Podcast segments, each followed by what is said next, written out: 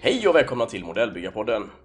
Eh, hej Fredrik, hur har du det? Hallå Christian, jo då, det är bara bra. Själv då? Ja.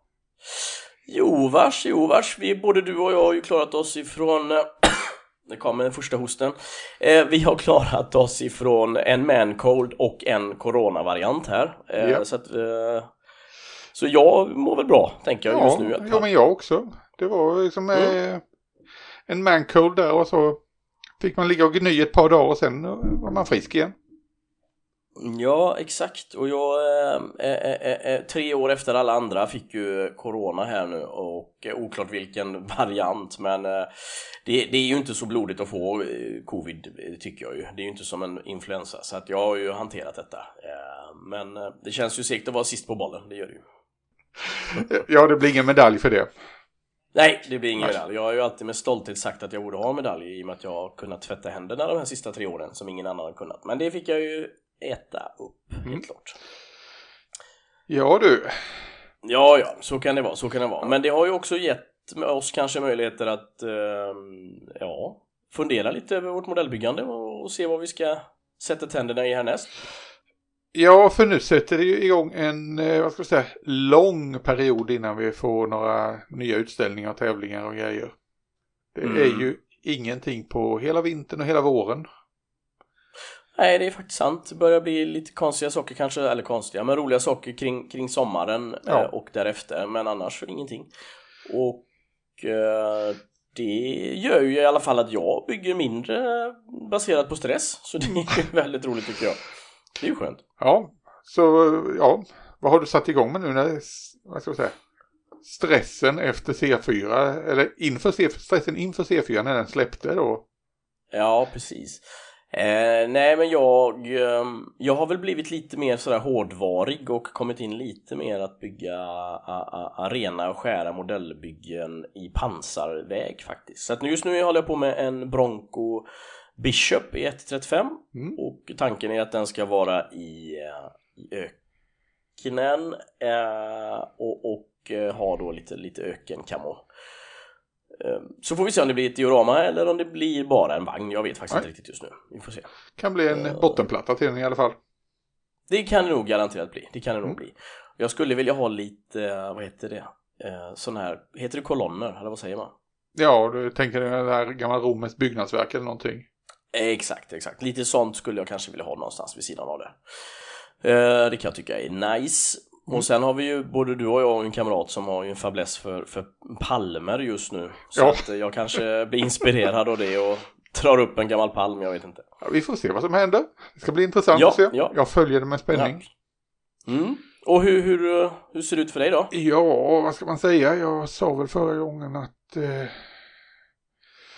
eh, ja, jag drog direkt igång en båt igen. Mm. Och, eh, Jättekonstigt. Ja, väldigt konstigt alltså. Det avslutar en båt och sätter igång med en ny. Det, det är något märkligt med det. Mm. Nej, men den eh, puttar på lite långsamt och sen... Jag, jag känner att jag kan inte riktigt bestämma mig så det ligger ju en eh, liten Junkers diet också.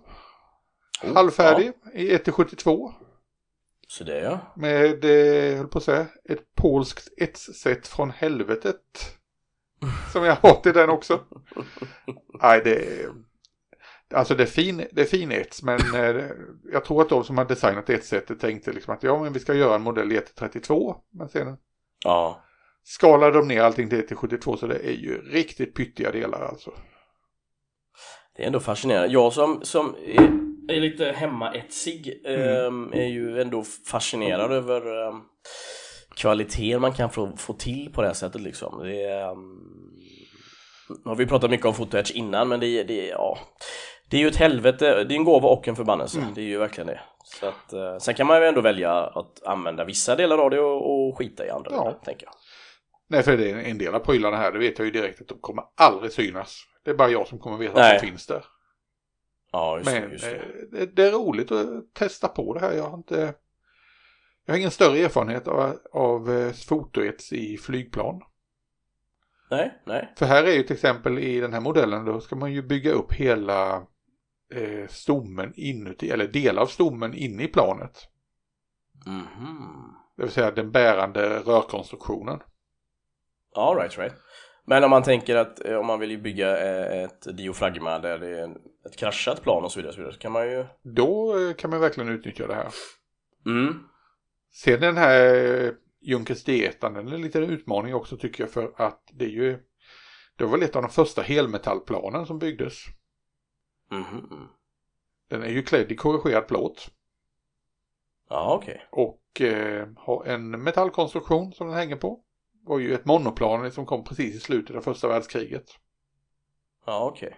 Gjorde man det för hållfasthet och, eller gjorde man det för att det var mm, bättre och billigare? Eller Nej, men det var väl aerodynamiska eh, egenskaper och så vidare. Testa nya prylar. Mm. Alltså det var, ju, det var ju, till skillnad från många andra plan så var ju den här Junkers D1 också självbärande. Du behövde ju inga extra stag för att hålla uppe vingarna. eh, Utan Nej, nej. den bar sig själv alltså. Allting var inbyggt i flygkroppen precis som senast maskiner. Så den var ju en föregångare på det sättet. Mm. Och det gör den också lite intressant. Men då kan man, då kan man rostvädra den lite grann då utan att skämmas också? Jag vet Det inte. kanske inte blir rost på Ja, jag, men- vet inte jag vet inte vad den här korrigerade plåten, om det var, vad det var för material till den. Nej, nej det kanske var... Det kan. Nej, Jag vet inte när aluminium blev populärt och kom. Ja, men aluminium fanns ju redan under första världskriget i en del konstruktioner. Men Mm. nej, jag vet inte, jag får läsa på om det. Ja, ja, ja. Nu sitter folk där ute och, och, och sitter på de här svaren redan. Men, men vi, Ja. får, vi får googla det. Ja, det är som sagt det är inte prio ett på listan just nu. Nej, så det är väl Nej, det och nej. sen håller jag dessutom på med eh, det här lilla boxade dioramat, vår lilla tittskåpsutmaning. Där sitter jag och Mm. pe- petar med det.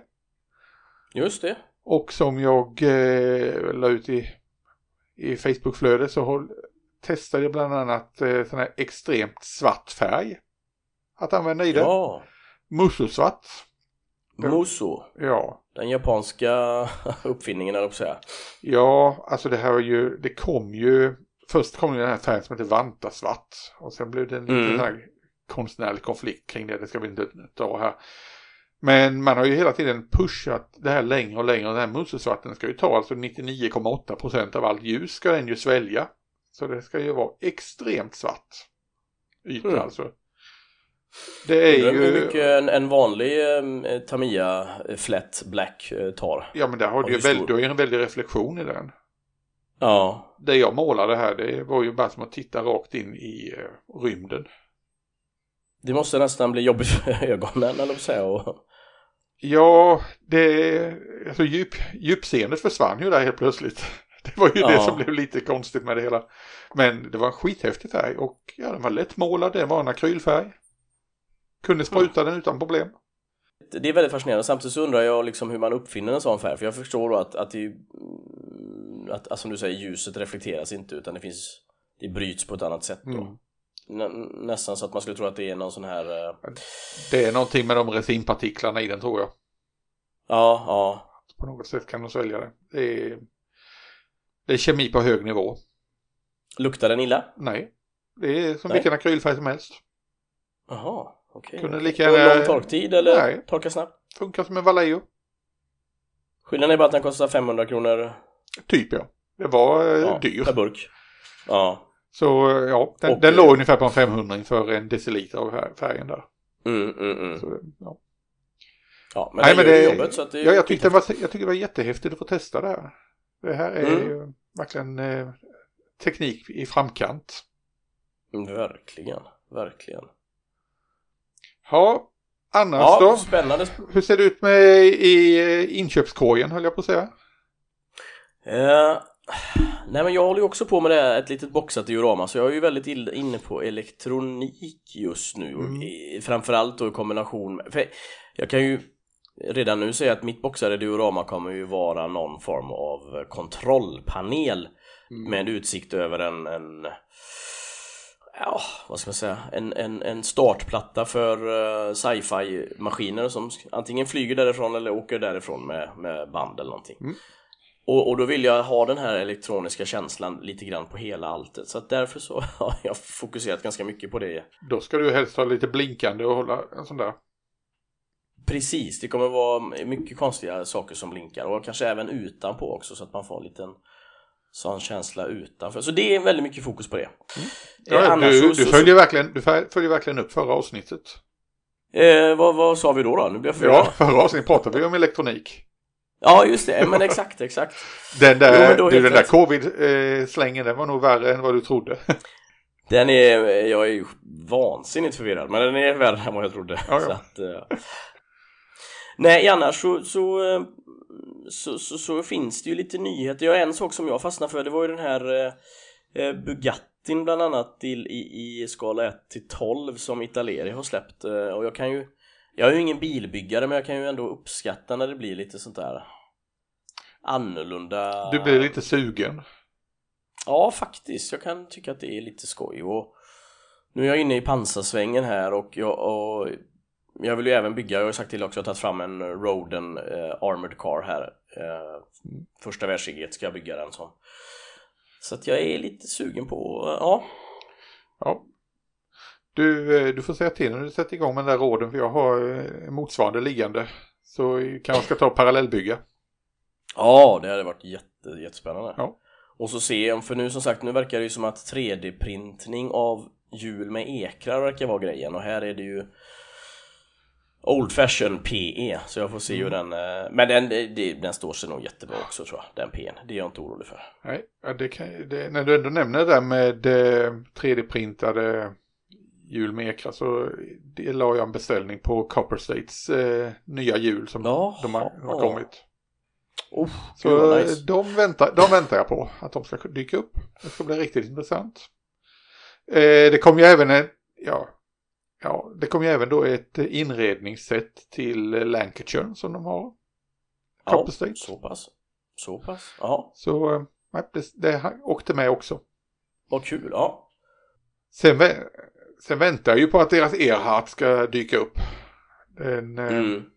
den la ju en pre-order på för länge sedan. Men de ja, har väl ja, ja. haft lite leveransproblem tror jag. Men ja, den kommer väl så småningom. Ja. Det är ju inte så att man inte har, eller det är ju inte så att jag har tomt på byggbordet precis. Nej det är sant, jag gick förbi en av mina stashar, jag har ju dem på lite olika ställen och så då blir man så här, oj, oha, oj. Jag blir, man blir ju alltid lite, dels blir jag imponerad av att jag hade de här grejerna jag trodde inte jag hade och samtidigt så blir man ju det är ju ingen idé att titta på, på nya köp liksom när Nej. man ser de här eh... Men det har vi pratat om förr också men det är konstigt att det kan locka så mycket mer att trycka på lägg i kundkorg än att lyfta locket på en sak man har hemma redan. Det är... och särskilt när det är pre-order att lägga det för då känner man att den här kommer ju ändå inte nu så det, det är liksom lugnt. Eh, precis. Det är pre-order är livsfarligt. Ja, helt plötsligt så dyker den bara ner. Men jag, jag skulle nog ha svårt att lägga någonting så på pre-order för att då vet jag att när det väl kommer sen så har jag inte det suget. För mitt sug är ju väldigt så här och nu liksom. Ja, ja. För mig kom det ju en sån där pre-order här nu och damp ner här i veckan faktiskt. Mm. Och det var ju eh, den nya modellen av eh, Powerloadern ifrån Aliens. Mm. Med eh, då Helen Ripley i Sigourney Weavers skepnad. Just det, i, i, som förare eller vad ska man säga som... Och den, det är ju en ny modell. Den gamla modellen från Halcyon, den var ju från 91. Så den, den har ju gjort sitt så att säga. Så den ska bli intressant. Samma skala, 1 till 12. Och det var det är alltså, pjäs. Ja, det var en låda knöfull med plast som mm. damp ner här. Så den ska bli spännande när jag väl får tummen nu och gör någonting med den. Det känns ju som att eh, det vill man ju, vad ska jag säga, eh, vill ju inte bara slänga ihop den modellen utan det, den får ju bli något lite, lite speciellt. Ju... Den kommer nog få, få bli något Fredrik speciellt tror jag faktiskt. Jag hoppas det. Stackars, stackars modell som inte bara kan bli byggd i lådan. Utan... Ja men det kan bli byggd i lådan men alltså den måste ju, det måste ju finnas en basplatta eller någonting på den som är liksom värd namnet. Det är faktiskt sant. Det är faktiskt sant. Och du har inte någon, eh, eller har de släppt någon motsvarande Alien i? Eh, Halcyon hade ju faktiskt en eh, Alien Queen där så att man kunde ju, de gamla modellerna kunde man ju sätta ihop. Mhm. Så egentligen hade man fått tag på den så hade man kunnat få ihop det hela. Jag har ju sett om några sådana när man har varit på tävlingar eller utställningar och sådär. Men jag, det är ju ingenting själv jag skulle gå igång på att bygga en alien liksom. Men eh, jag kan ju verkligen uppskatta när vissa gör det och gör den verkligen klibbig och slibbig och... Ja, nej, det hade ju varit i så fall att få ihop en stridsscen alltså med eh, eh, som den här ikoniska scenen från filmen där eh, den här powerloaden i ena, Mm. ena klon så han liksom klämt till om halsen på eh, den här drottningen. Och mun nummer två eller tre kommer ut och försöker nästan äta upp eh, Ja. fröken Sigourney där. Försöker pussa henne. Rymdhångel, ja vad mysigt. Mm. Ja, nej så den, eh, den ligger här som sagt. Ja, sen blev Ja. det ju också en, eh, en klingonkryssare dök ju också upp. Mer Star Trek. Mer Star Trek ja.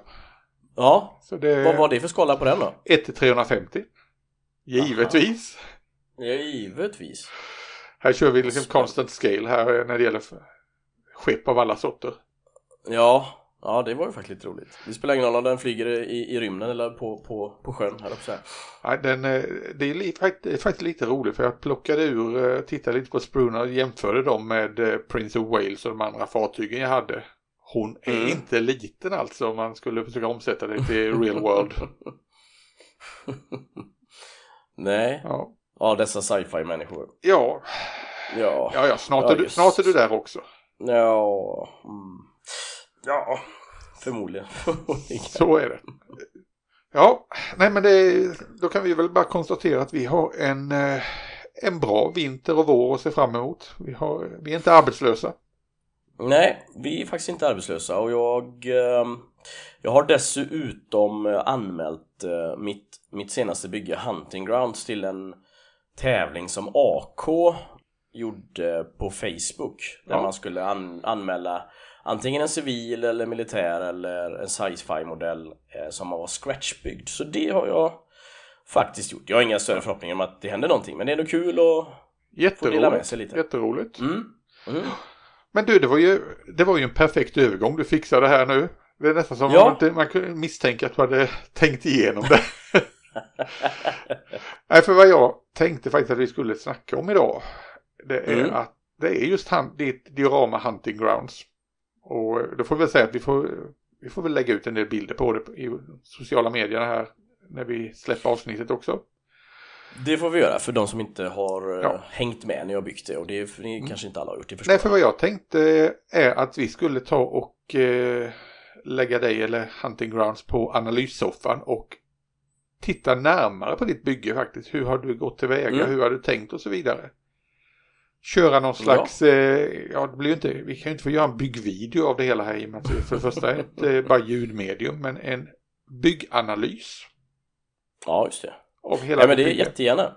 Jättegärna. Eh, för det har ju som sagt varit ett bygge eh, lite som där jag har fått testa alla mina ackumulerade kunskaper eller så här. Så att så sätt har det ju varit ett jätteroligt bygge. Ja, du har varit igång med en massa olika tekniker.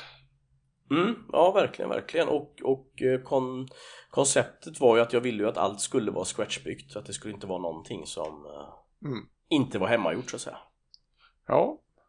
Ska vi börja med, hur, satte, hur började alltihopa egentligen? Det är ju som jag pratat om i tidigare avsnitt är att, att det var ju en ren slump egentligen eh, som, Lite som vanligt när jag bygger Nej men det var ju den här eh, fantastiska människan på Youtube som heter Jeff Wrighten som, som hade en teknik där man i princip använder eh, bakplåtspapper eller vaxat papper Mm. och så målar du, lägger du lite akryl på det vaxade pappret och innan det så antingen lägger du Eh, jag använder stearinljus men man kan använda vaselin eller vad som helst. Och sen på den här träytan du vill ha det här t- på, eh, där penslar du eh, matt lack, alltså någon form av eh, varnish. Mm. Och när det här väl har torkat sen då på, på vaxpappret så lägger du på den på, på träbiten och låter det torka fast där du har lagt varnish och så drar man loss det sakta. Och då får man den här tappade, slitna färgen på den effekten så att säga. Okej, Så det vill jag ju jättegärna testa. Eh, då ska vi se. Då började du med att du hade typ balsaträ eller liknande.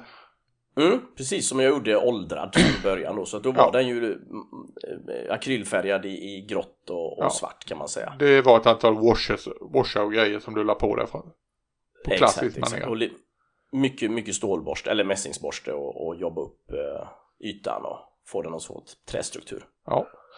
Och sen efter det så, men den här lacken, den eh, duttar, duttar du på den va på olika, Precis, då använder jag lite svampteknik för att dutta på den och man kan ju naturligtvis ta hela ytan också och sen eh, med en pensel men jag duttade faktiskt gjorde jag så att det blev lite sporadiskt. Mm. Och, och sen så tog jag då som sagt den här ytan som var torkad akrylfärg eh, med, med en, ett mellanlager av eh, stearinljus mellan pappret och, färgen. ja och det, det stearin, stearinlagret, det bara var helt enkelt för att fär- den färgen inte skulle fastna på bakplåtspappret då. Ja precis, precis. Och så det gnuggade jag bara, jag tog ett värmeljus och gnuggade bara på, på, på sidan där då. Mm. Men jag märkte också att man var tvungen att eh, eh, och det är ju naturligtvis, det förstår man ju självklart men om jag målade med pensel på pappret eh, så blev det ju fula penselmåldragningar naturligtvis på träet sen efteråt. Jaha, det, Så- så- det tog och överfördes då menar du? Ja, exakt. Så alla fula misstag överfördes till träet sen och det kan man ju räkna ut med röven efteråt naturligtvis. Men, så att jag fick eh, liksom fösa ut färgen lite grann med en tandpetare eller en, en bit plastic card så att den blev liksom Skulle man kunna spraya på det tror du? Man ska absolut kunna airbrusha, det tror jag verkligen. Och Men det, då var det kritiska momentet det att du duttade på den här lacken och sen fick du vara ganska snabb med att få över det innan lacken torkade eller? Ja, exakt, precis. Så när lacken väl var på så drog jag på själva eh, eh, pappret. Och sen då så eh, väntade jag jättelänge innan jag drog bort första. Men sen successivt så drog jag bort mina tester snabbare och snabbare och snabbare. Så till slut så räckte det att den bara hade torkat i 5-10 minuter innan man kunde börja dra loss.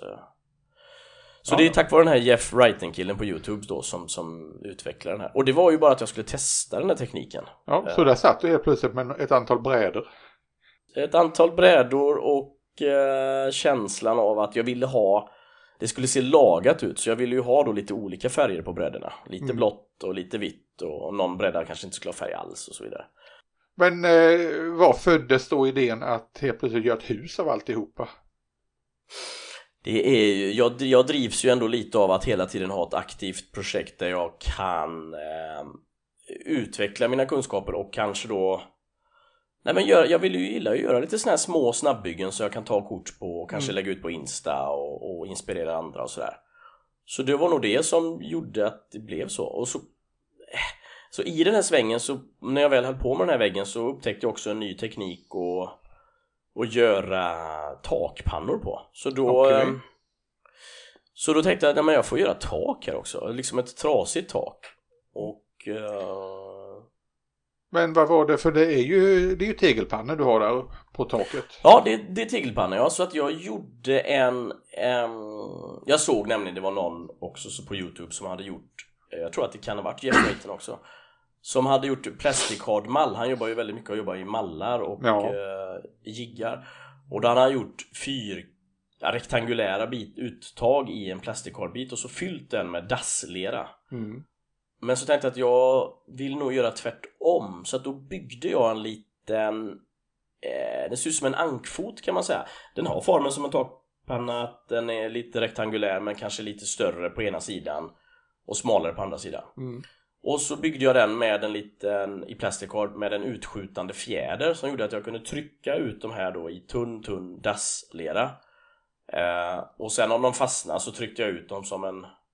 Jag kan lägga ut en bild på den sen också hur den Mm. såg ut den. Det får du nog göra. För det, det var en liten manik som jag byggde. Och sen när dassleran eh, väl var där så la jag den eh, på eh, ett runt, en stav, en eh, plastikardstav så att den fick eh, rätt böjd Ja. då på, Ja, ja. Och då på det Ja. sättet fick du enkupiga pannor helt enkelt.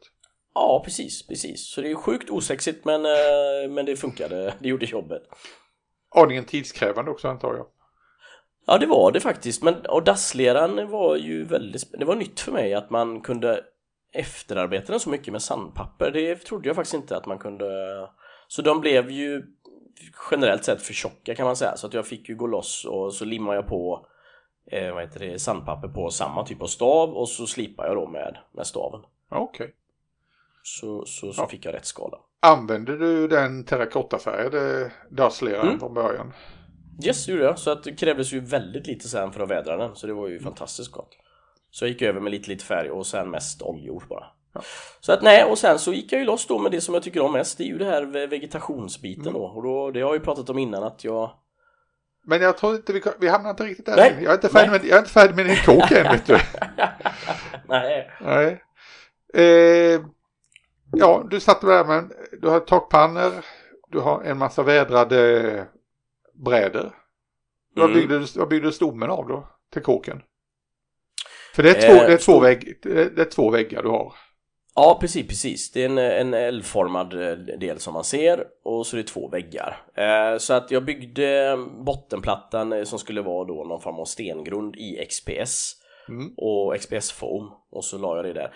Och sen så är det en, en balsaträds vad ska man säga, uppbyggnad på, på insidan. För att jag ville verkligen att den skulle vara så lik en riktig takkonstruktion som möjligt. Så att jag har lagt taket så som man skulle gjort det på riktigt. Okej, så det är takstolar egentligen. Eller överramat till takstolar om inte annat. Det tar överramar precis eh, och sen så ligger det, vad heter det, um, um, ja nu glömt av alla termer bara för det. Ja. Men vägga, väggarna, sitter de på en, eh, en skiva då eller har du lagt dem på mot Nej, en stomme? De är, de är fristående och på en stomme precis och så sitter de ihop med eh, balsa på, på baksidan, liksom övergående balkar kan man säga då. Okej. Så att, eh, och så ville jag ju ändå att, det är ju fönster också på, så ville jag ju Mm. att man skulle kunna se in lite i fönstret så jag gjorde ju ur samma stearinljusmetall, aluminium eller på så Mm. gjorde jag ett antal små burkar som jag har på insidan där man fyller, och det är alltid så här svårt, vad ska man fylla de här burkarna med på? Nej, vad, vad, vad finns det i burkar i ett övergivet hus? Ja, exakt, gamla penslar kanske, gamla, jag vet Ja. inte, det är skitsvårt. Men eh, Har du nå- gjorde du då en liten låda invändigt för det är ju svart bakom? Eller Ja, hur, precis. Jag har målat allting svart på insidan för att man ska bli lite lurad att det är större än vad det är. Och det enda ljuset som kommer in är ju från respektive fönster. Ja. Eh, Så att man kan ju se rätt igenom kåken om man tittar genom fönstren. Då. Mm. Så baksidan är ju helt och hållet en, en pappskiva baksidan, en kapaskiva kan man säga. Mm. Och fönstren byggde du på samma sätt, alltså med Jeff Rayton-metoden eller? Precis, jag målade dem på samma sätt men fönstren har jag gjutit faktiskt i, eh, i resin. Eh, Okej. Jag har ju gjort en, en, en resin-mold för länge sedan så har jag lite olika fönstervarianter så de göt jag i resin och då är det lite roligt med resin för att då kan man man kan gå loss lite med dem och, och, och misshandla dem lite så får de en ganska naturlig Mm. dålig struktur så att säga och, och det, nu är ju ett av fönstren trasigt bland annat och sånt där och då kan man få en eh, känsla av att eh, ja, ja, det är ju realismen jag eftersträvar och det är ju det Ja. som jag tycker är viktigt. Nej, men vad du säger samtidigt är ju att den här metoden då för att eh, vädra brädor, den är ju inte bara applicerbar på trä utan den funkar väl på alla material i princip. Exakt, exakt och jag hoppas verkligen att du gör detta på powerloaden exempelvis. Vi har ju, du och jag har ju gjort ett varsitt skräpbygge men så Mm. gjorde jag ju även en, en liten liten walker utifrån ett kinderägg.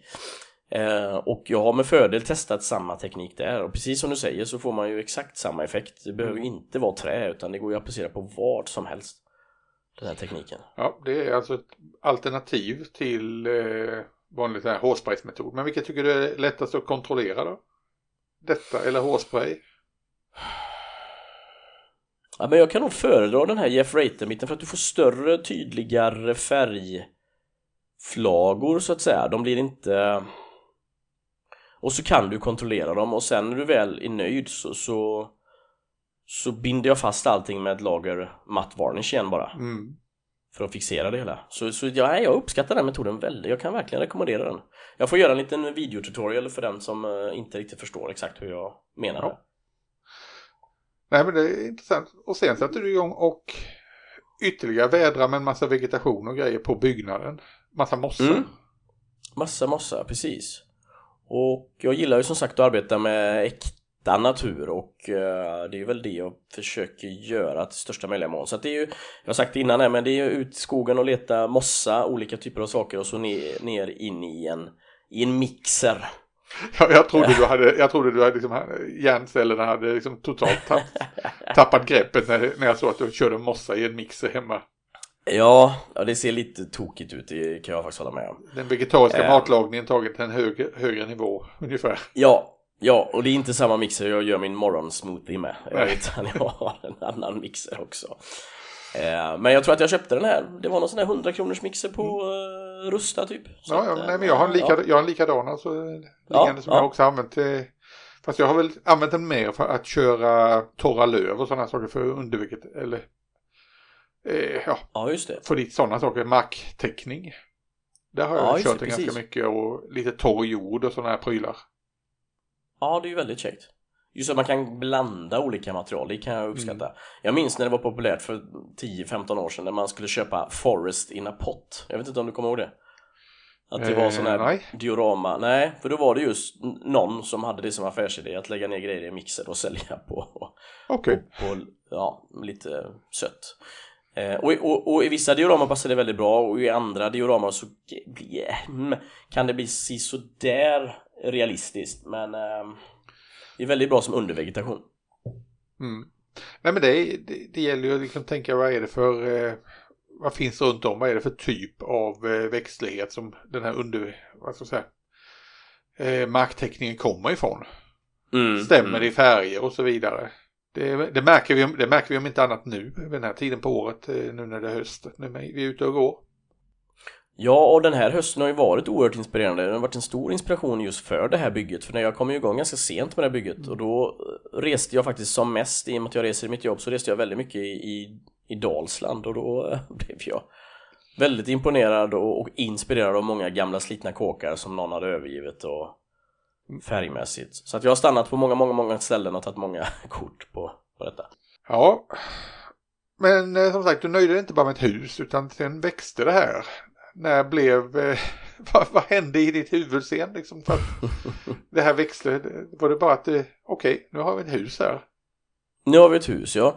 Eh, nej men då vill jag nog ha den här övergivenheten och så kommer jag tänka på så här, hur ser det ut på tomter, hur ser det ut på ställen där man har antingen att det bor någon i närheten och som har haft detta som en extra kåk och som har bara skitit i den eller så är det, är det en kåk någonstans där det var en gamling som dog och så ingen brytt sig om den. Men då brukar det ju ofta stå lite jord, jordbruksredskap utanför. Jag vet inte om du minns för då Ja, vi hade, dis vi hade en diskussion om det. Exakt, exakt. Det var liksom vilka typer av jordbruksredskap som, som man kunde ha. Jag fick massa tips och tankar och idéer och dig och jag lärde mig jättemycket om vad alla, vad alla plogar och sånt ja, hette. Men jag, ja, det var ja, väl där jag föreslog att du skulle ha en gammal hästräfsa som stod. Exakt. Så att det var ju på den nivån, det var räfsa eller det var någon plog eller det var liksom någonting sånt där eh, men, men så blev det tanken på en kärra och, eh, och på den vägen var det och då ville jag ju att den skulle se fantastiskt sliten ut då. Så då byggde jag ju en, en ram i eh, plastikard och till viss del mässing eh, mm. och, och, och, och, och sen täckte den med, med med träd och då använde jag kanske inte exakt samma Jeff Raten teknik utan men jag gick loss oerhört mycket med mässingsborsten så att de nästan följde sig då. Ja, för den, jag kan ju säga direkt när jag tittar på bilderna här att den skulle ju absolut inte gå igenom besiktningen den eh, kärran. Nej, den skulle faktiskt inte det. Nej. Den skulle inte det. Men du, alltså, det, det, här med att, för den är ju helt scratchbyggd då.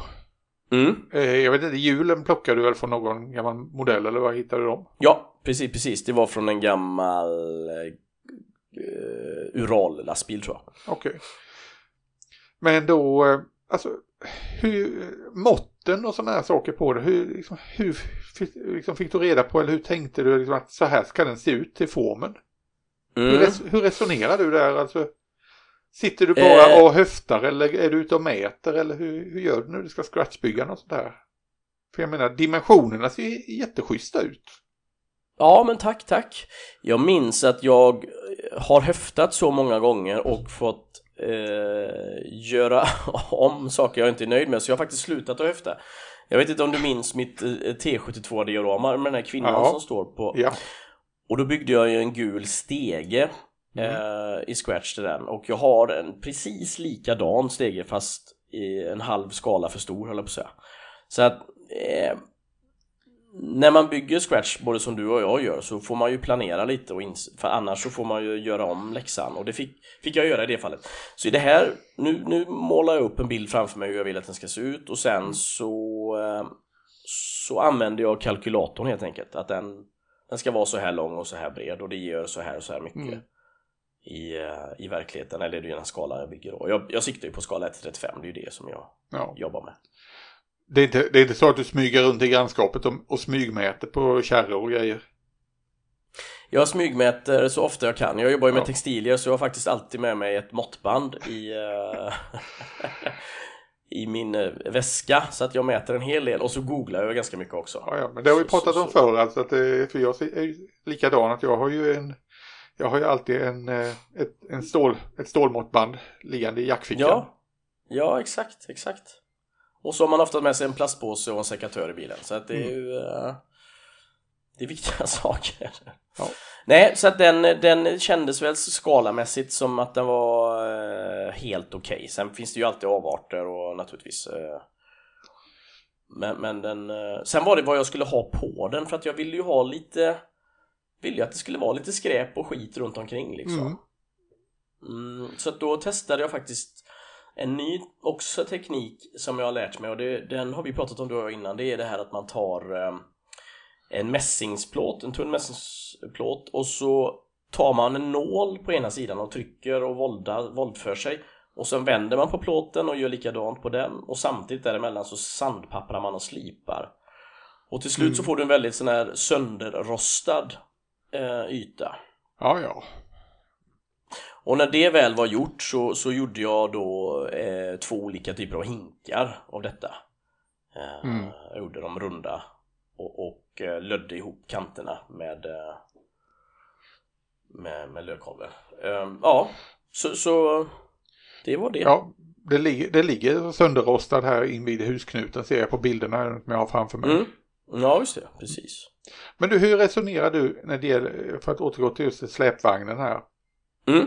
För det är ju ovansidan man ser då du ser draget på den, du ser hjulen. Men undersidan, hur, hur mycket tänker du liksom på att okej det måste vara schysst där också? Även om man inte kommer Det- se det.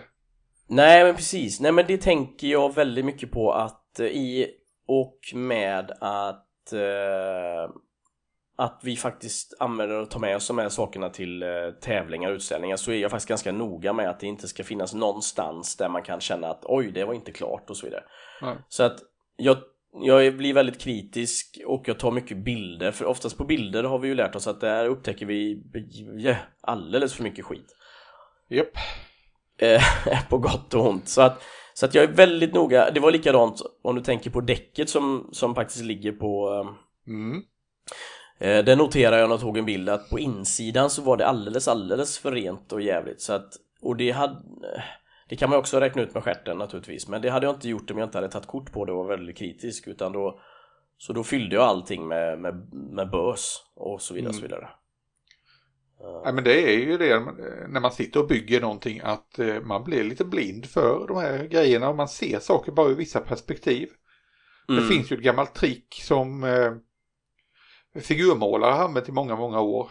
Och det är ju att eh, för att se fel, hitta felaktigheter ja. så ska man ta och titta på modellen, hålla upp den framför en spegel och titta på spegelbilden. Mm. För då ser du ju inte samma modell som du har framför dig. Ah, okej. Ja, den var ju, det var ju fascinerande. Det är Vad- sån här vad- gam- vad- det är ett sån här gammalt trick som är för, före den digitala åldern. Men kameran funkar ju på Mhm. samma sätt. Vi ser ju saker på annat vis där. Ja, den gör faktiskt det. Och vi har ju vi har ju en god vän som har konstaterat att med kamerans hjälp så kan man ju exempelvis se eh, lager på 3D-utskrivna modeller så att ibland kan det vara alldeles för, för mycket att se eh, med kamerorna. Ja, kameran är inte alltid vår vän utan den... Eh, vi är ju tillbaka på det, på det här. Liksom, vad är det egentligen? Vilket avstånd ska man titta på en modell? Mm.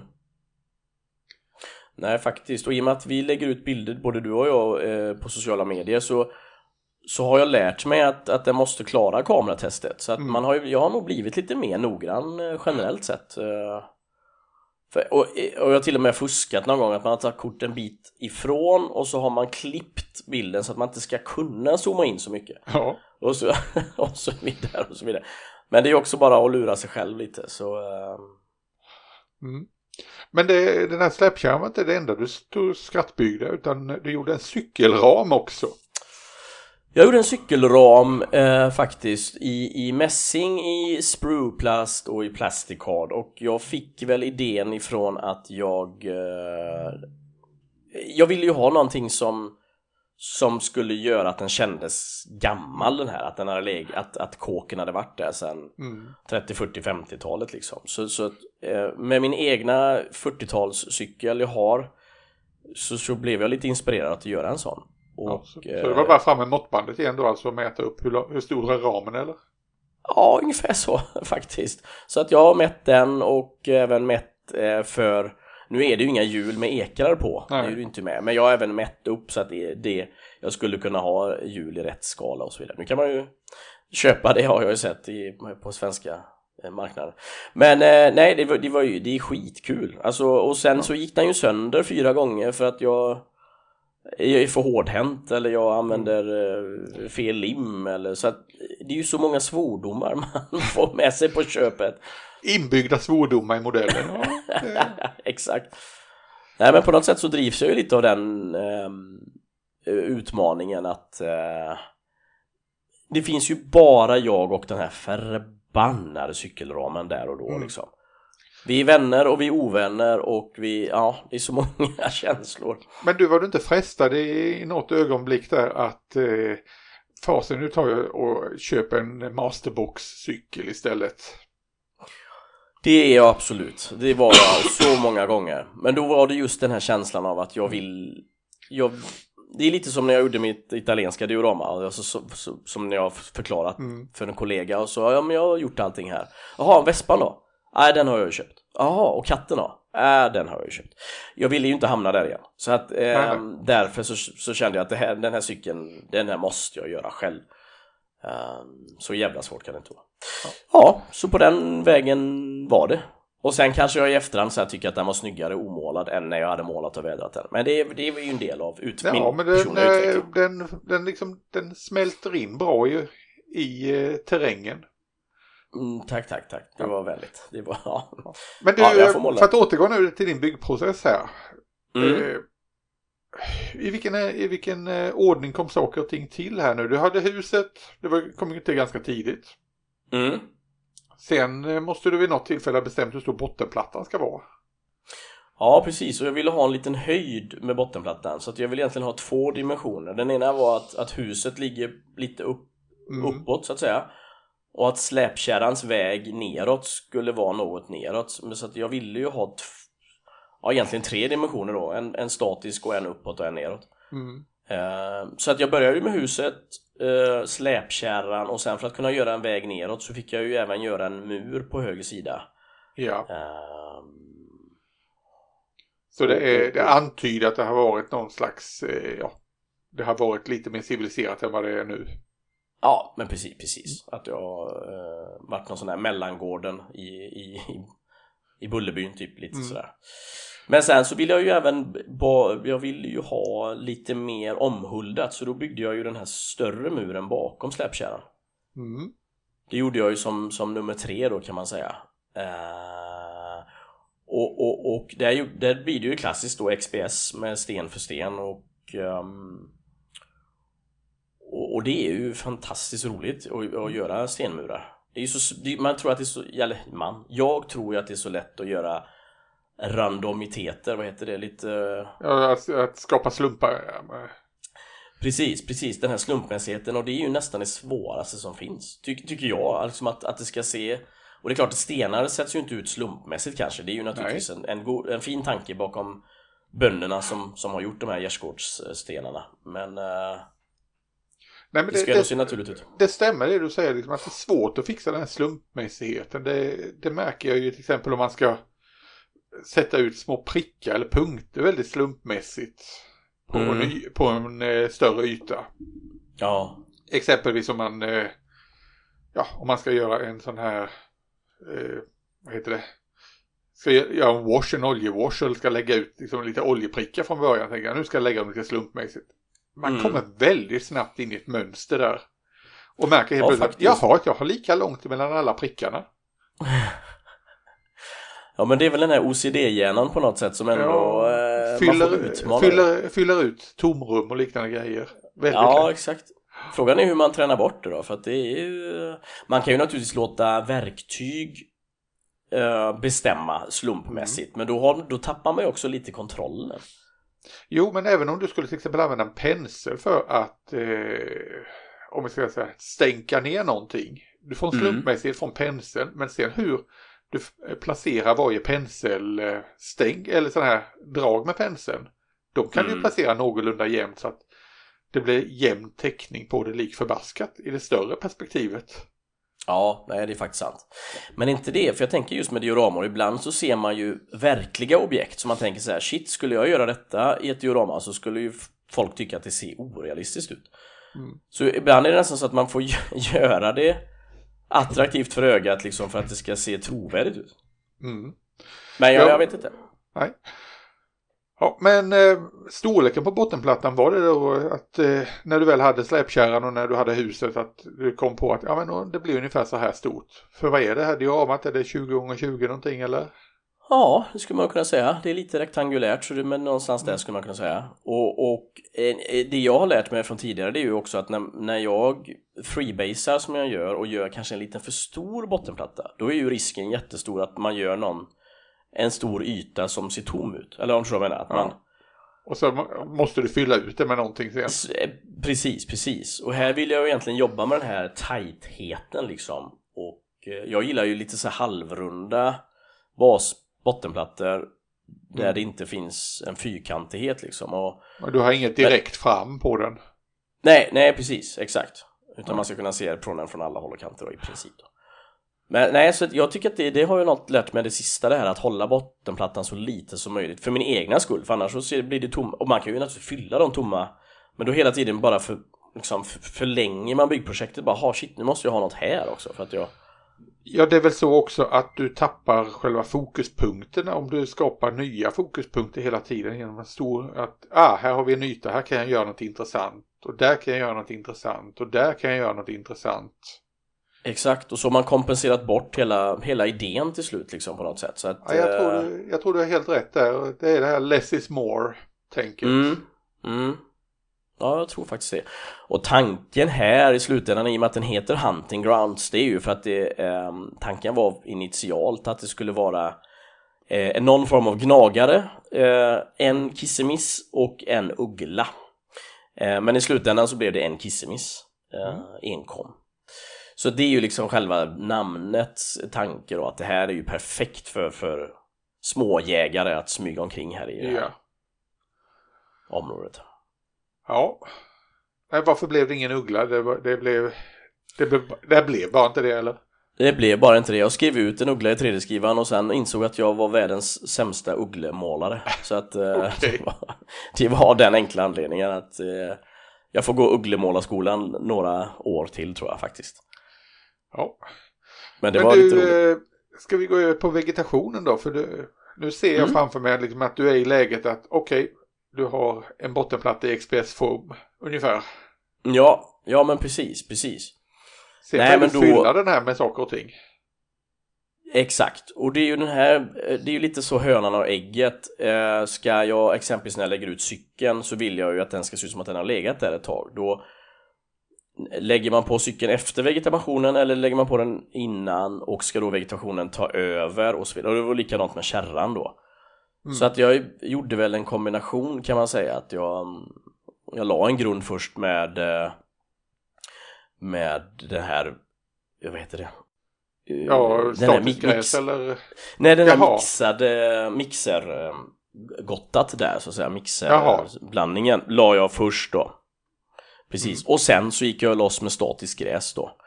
Sen, sen gillar jag ju att arbeta med naturliga saker så att jag går ju alltid ut i skogen och samlar på mig massa konstiga så jag hittar i faktiskt lite nya fascinerande roliga eh, grönsaker den här gången som jag, jag kan inte namnet på dem men jag, det fanns eh, vi får lägga ut Ja. fler bilder på dem.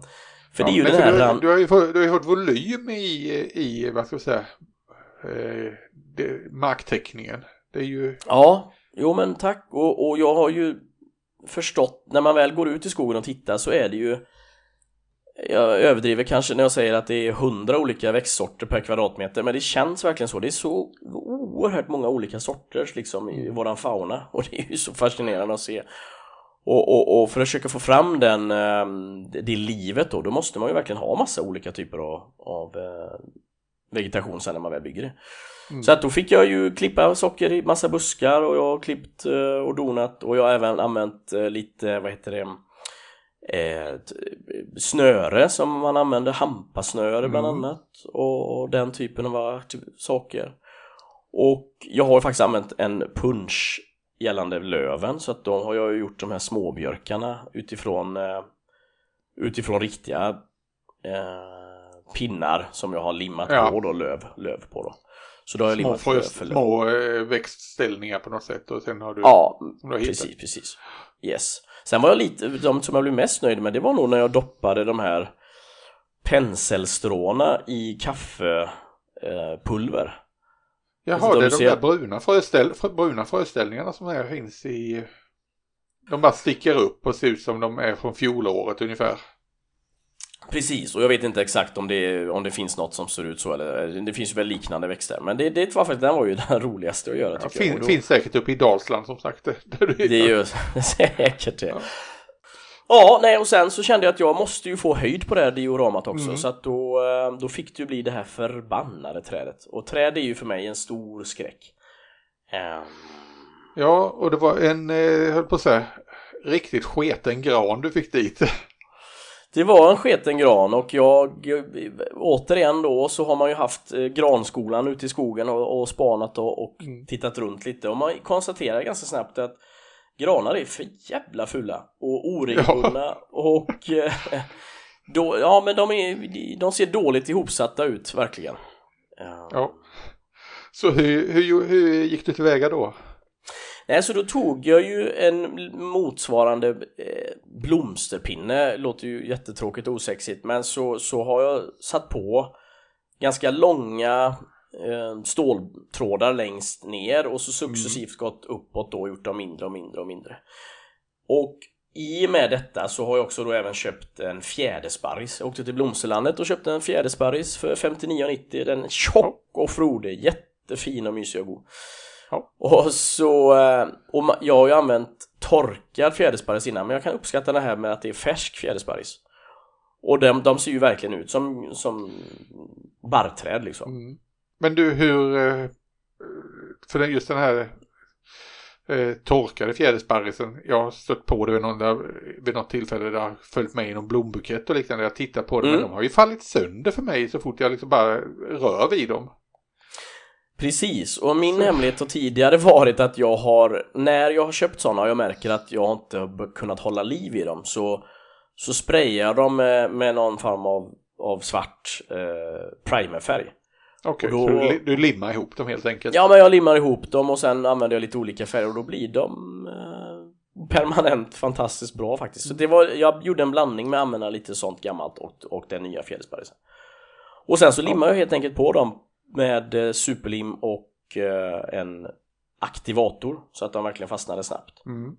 Och sen, eh, och målat sen? Och sen har jag målat, eh, precis, så la jag på eh, och sen så gick jag även loss med, med jag ska inte säga torrborstning men jag tog, vissa granar har ju en, en dålig stam och så vidare så det var ju viktigt för mig att hitta att, att, att några av de här ser trötta ja, hur gjorde ut. Du, hur gjorde du barken? Eh, barken har jag faktiskt, eh, det tog jag likadant att jag tog hela, jag tog hela eh, bark, eller vad säger, hela pinnen och limmade på vitlim och sen så tog jag återigen den här typen av, den finaste, finaste, finaste eh, mixade saken jag hade, mixad mossa. Okej. Okay. Eh, så det är heller inte sexigare än så. Och sen så gör jag, jag gillar ju att, att eh, använda blöt, väldigt blöt torrpigment och så tar jag en tandborste och så skvätter jag med tandborsten så att det ser ut som torkad lav eller lav, alltså den typen ja, ja. av mossa och lav. Mm. Då får man en lite naturlig del av det. Ja, för det, ja, den, för, den, den, eh, vad ska jag säga, vita eh, laven den förekommer ju överallt här. Ser jag ju på. Ja, ja precis. Och även på släpkärran har jag gått loss lite med den. Och ja, på huset är en hel del också. Och på huset, ja den är ganska förlåtande i form av att den, den får saker och ting att smälta ihop tycker jag och Mm. Plus att, att, att går man ut och tittar i stan, även i stan så är ju laven överallt liksom på betong och på asfalten runt omkring oss och den är och det är väl inget man tänker Ja. på om man inte är knäpp i huvudet eh, som du och jag Nej, nej, men det vi, vi är som vi är. Ja, och det det, höll på att säga, det skäms vi inte så där jättemycket för. Nej, verkligen inte. Men du, eh, all den här eh, vad ska jag säga, vegetation och så vidare, har du målat den eller? Mm. Jag bara tänker att det, det tappar väl färg annars. Det är ju min gamla erfarenhet i alla fall. Ja, nej men helt klart. Dels för att som du säger färgmässigt så har jag ju faktiskt, och det är ju återigen Youtube-stjärnor som har som har inspirerat mig till att man faktiskt kan eh, eh, måla detta. För annars är man ju tacksam över naturens egna färger. Men det blir ju Mm. att man känner att nej men jag får faktiskt få de färgerna. För att då blir det lite slumpmässigt och det kanske inte går ihop på, på ett snyggt sätt. Så att allting här är grundmålat och så är det färgat sen i, en, i en, ungefär samma färgtoner på olika Mm. sätt då. Och det är också, får ju också sakerna och ting att hålla fast och sitta kvar för att jag använder ju primärt jag vet inte vad flaskan heter Sand Gravel Glue, heter det så? Ja, det är något sånt där. Ja, det är ju det jag använder primärt kan man säga som, som för att hålla fast alla grönsaker. Så jag använder inget vitlim annat än till, eh, till det statiska gräset utan allt annat det sitter fast med den typen av lim då kan man säga. Ja, och fördelen med, eh, med att använda sån här sand gravel glue eller vad det det finns ju olika varianter på det. Det är väl Mm. att dels är den matt Mm, och sen är den väl ganska tunnflytande eller? absolut. Och så går man loss då med en liten pipett och det är ju framförallt när man lägger ut de här löven och så vidare. Hur ska man... För att, att, att limma med vitlim för varje löv och sätta dit och... Och det var ju också det med löven att jag är ju väldigt noga med att de ska ha en struktur så att jag har ju böjt varje löv eh, Jag har ju oftast ett korkunderlägg och så böjer jag så att de liksom st- står För, för platta löv, det, det finns ju inte. Utan- Christian, ska- har du, har du sökt för det här höll jag på att säga. Ja, många, många böjda löv har det blivit faktiskt. Eh, Men det är ju en del i processen. Det är det ju. Vissa Ja, gillar att mannen, bygga... mannen, som bygger, mannen som böjer löv. Ex... Lövmannen. Ja, nej, så då blir det ju en annan struktur på det. Så det måste man ju, det måste man ju göra, helt klart. Ja, Ja, tada, så. Ungefär så har jag gjort faktiskt. ja. Och det hade du med dig ner till C4 det här dioramat. Det hade jag och eh, som eh, jag ibland kan fundera på då det är ju så här att ett, vilken klass ska man ställa ut? För det här är ju, Mm. det blir ju någonstans mitt emellan eh, och nu fanns det ju ingen vignettklass i Malmö Nej. utan bara diorama 1 och 2 kan man säga en, en utökad del och en, en generell del men, men det här kanske skulle vara snarare ett, ett vignett då så att ehm, Ja, det, det är svårt, det är ju ingen handling som så. Mer än att Nej, sitter en liten katt i den och liksom spanar.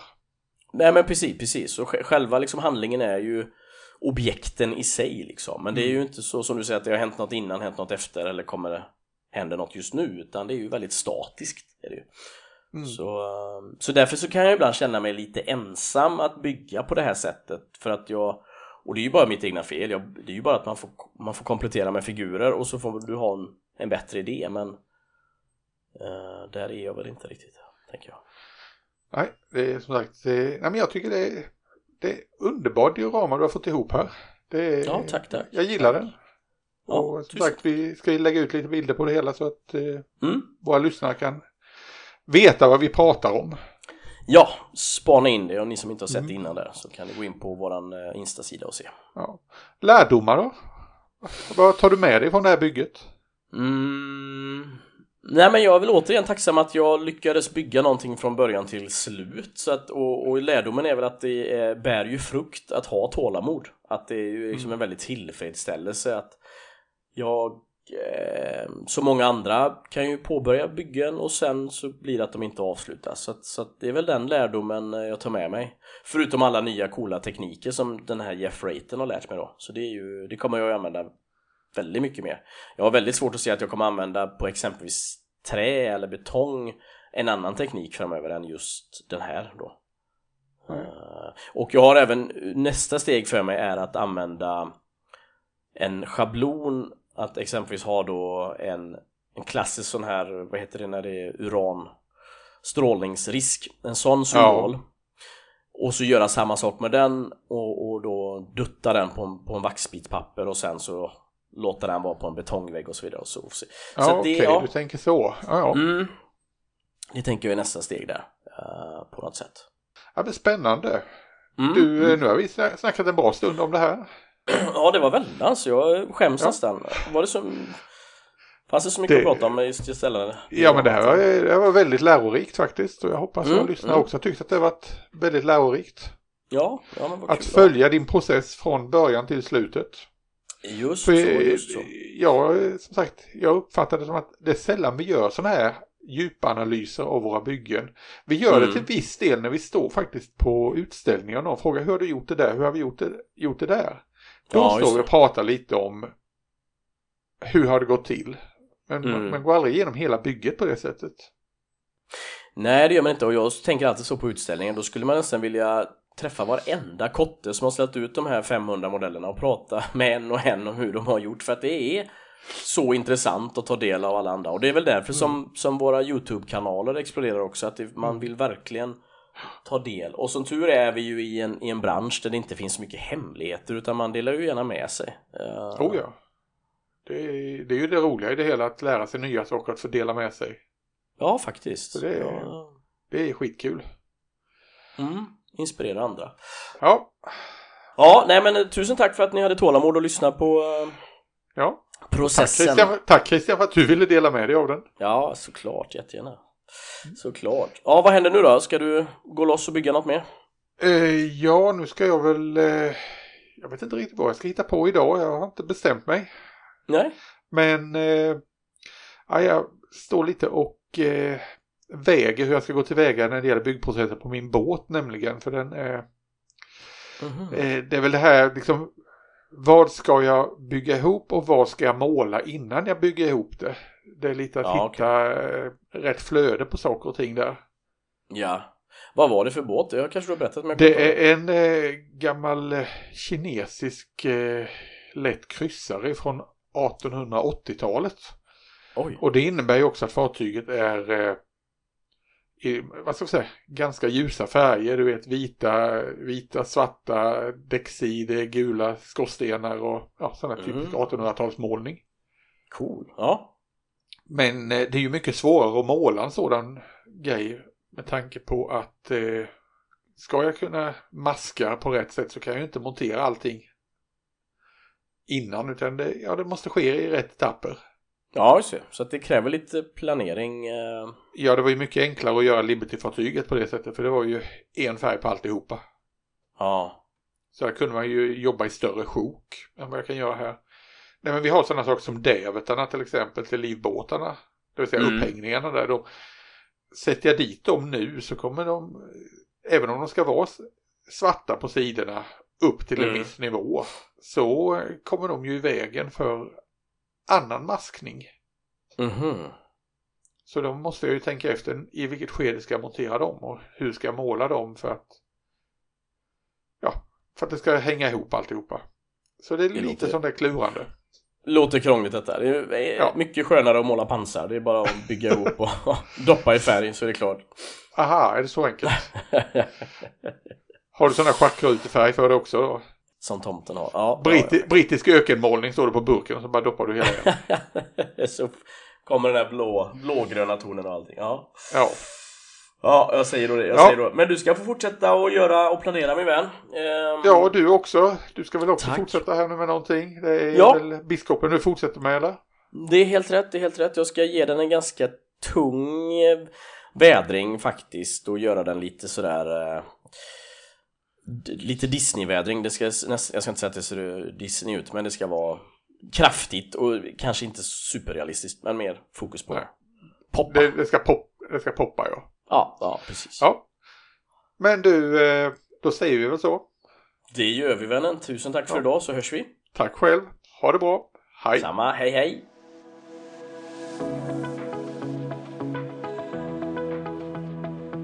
Tack för att du har lyssnat på Modellbyggarpodden.